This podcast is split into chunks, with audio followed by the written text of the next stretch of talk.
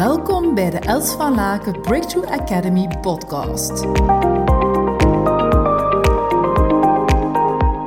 Ik ben echt razend enthousiast, want deze tool, deze tip die ik jou vandaag ga geven, is hout waard. Dus luister naar de Hans episode, want je gaat er echt super veel aan hebben. En ehm, ja, ik zeg het, dit is echt magic als je het toepast. And it's all about the story I'm telling myself. Dus ik hoef jullie niet te vertellen dat jullie zo'n stemmetje in van binnen in jullie zelf hebben. Een commentator noem ik hem soms. Een, ja, eentje die heel veel kletst en doet. En die kan van alles tegen ons vertellen. Die kan vertellen van, hey, um, oh, goed bezig Els van Laken. Go, go, go, you can do this. Yes, yes, yes, yes. Ja, dat is mijn yes to move. Yes!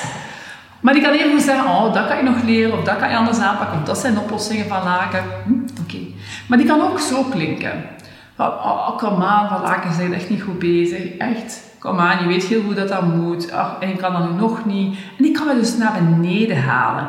En die kan ook dan naar andere mensen kijken. En zie je wel, die vindt dat zo of zo van jou, of die kijkt zo naar jou, of die kijkt zo. Dus die kan me naar beneden halen. Als een soort van hamer die op mijn kop slaat. Ja, voor de mensen die graag dit beeld willen zien, moeten maar even op mijn YouTube-kanaal gaan kijken. Maar in ieder geval, ja, dat kan dus ook gebeuren. Dus wat ik graag wil vertellen hierover, dat is als ik eigenlijk even stilsta en kijk naar mijn coachings, want ik weet al niet meer hoeveel coachings ik heb, maar zo'n zeker, het is sowieso boven de 5000 uren. Als ik kijk naar de vraag die ik kijk, heel, een van de vragen die mijn topvraag, waar ik het meest van al stel, is wat heb je daar al over verteld aan haar van hem? En heel vaak, als ze bijvoorbeeld issues hebben of bepaalde veronderstellingen of bepaalde zaken waar ze over nadenken, antwoorden ze mij niet. Ik heb het nog niet gezegd. Of ze antwoorden mij iets heel vaags. Nu laten we eens één per één stilstaan bij die zaken. Als jij het niet benoemt naar de andere, hoe mag je dan of kan je dan verwachten dat die persoon daar iets mee doet? Als jij niet van plan bent om dat uit te spreken, om dat te benoemen, dan is dat jouw eigen verantwoordelijkheid en dan moet jij op de blaren gaan zitten, dan moet jij op de consequenties gaan zitten. Dan mag je eigenlijk niet verwachten van de anderen dat die bepaalde dingen gaan doen. Echter, het gebeurt wel.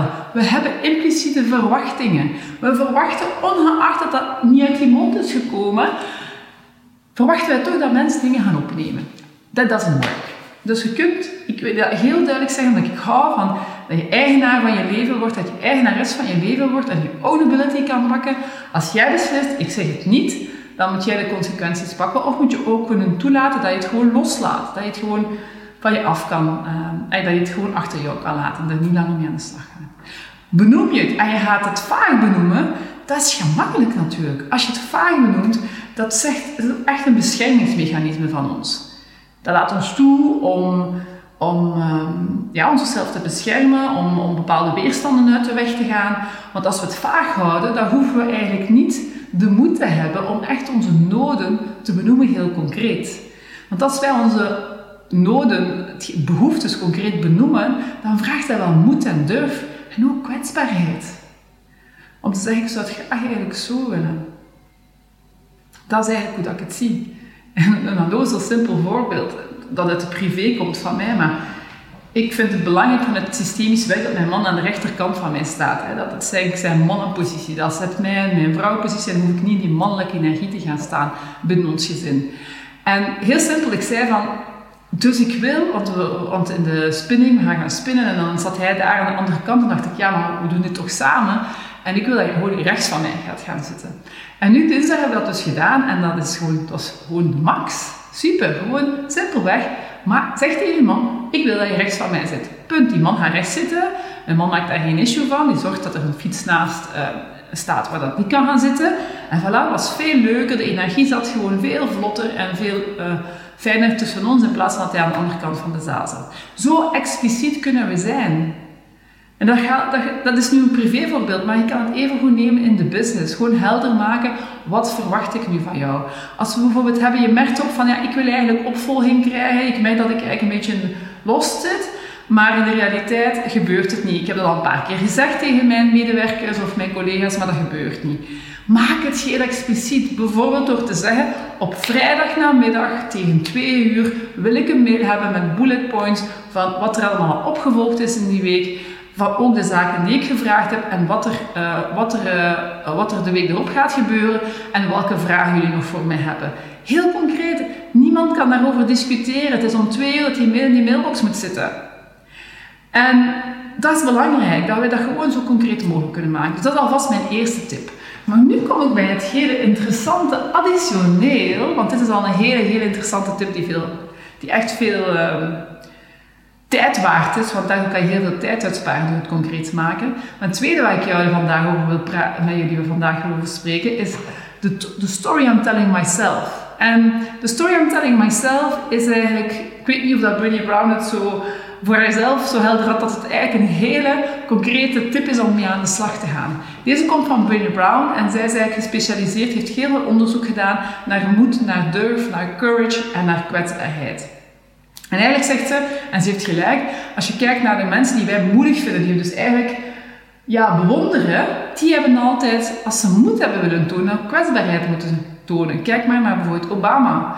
Uh, kijk maar naar bijvoorbeeld, eh, toevallig, ja, ik weet niet waarom Tony Wommens nu erop komt, maar Tony Wommens heeft heel veel bereikt, maar die heeft ook vanuit kwetsbaarheid verteld hoe, hoe dat zijn moeder bijvoorbeeld zeep in zijn keel gooit om, uh, om hem, hem, zo gezegd, zijn keel te zuiveren van alle bullshit dat hij aan het vertellen was. Dus hij heeft ook in die kwetsbaarheid moeten staan om die shifts te kunnen maken. Dus het is eigenlijk niet eens zo'n techniek die je zo hard in die kwetsbaarheid zet, maar het is een heel simpele. En dat is gewoon vertellen. The story I'm telling myself is. Het verhaal dat ik mezelf vertel is. En hij dat benoemt naar de andere. Dat verhaaltje dat in plaats van er ja, misschien wel een Hanse verhaalboek van te maken.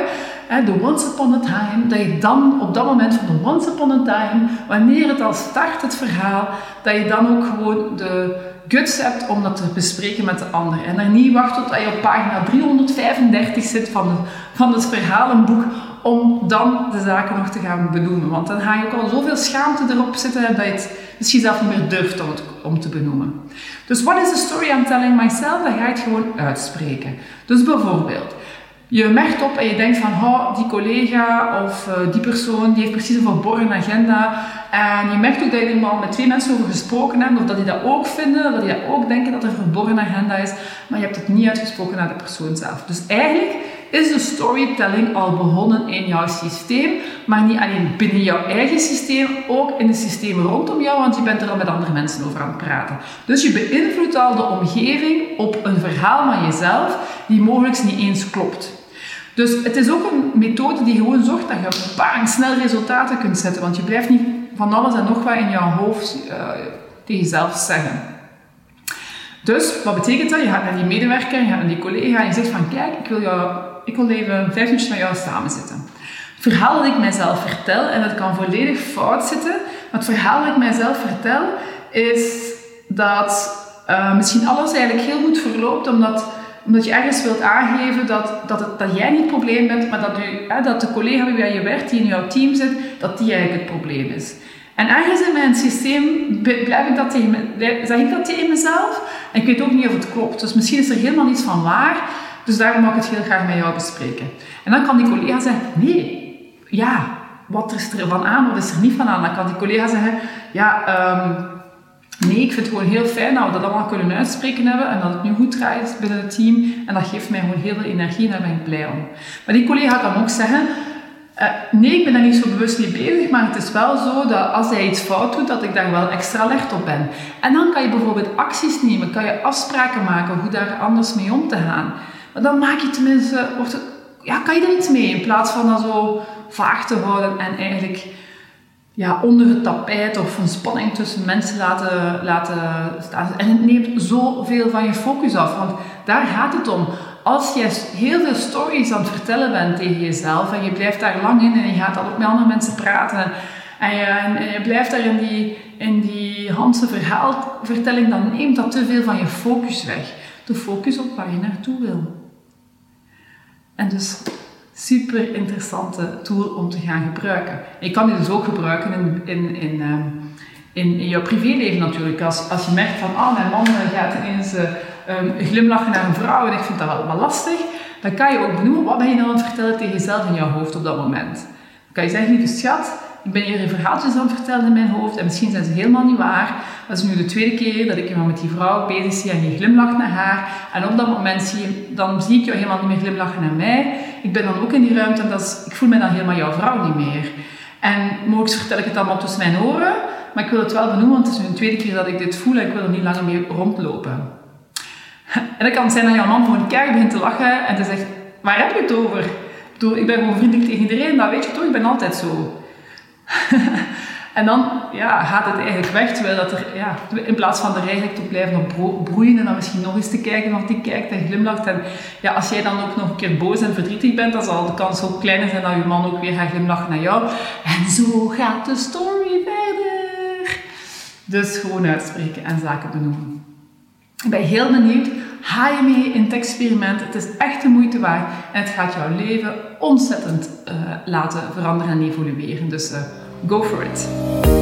Ontzettend dankbaar voor je aanwezigheid. Verspreid samen met mij deze positieve energie en tips.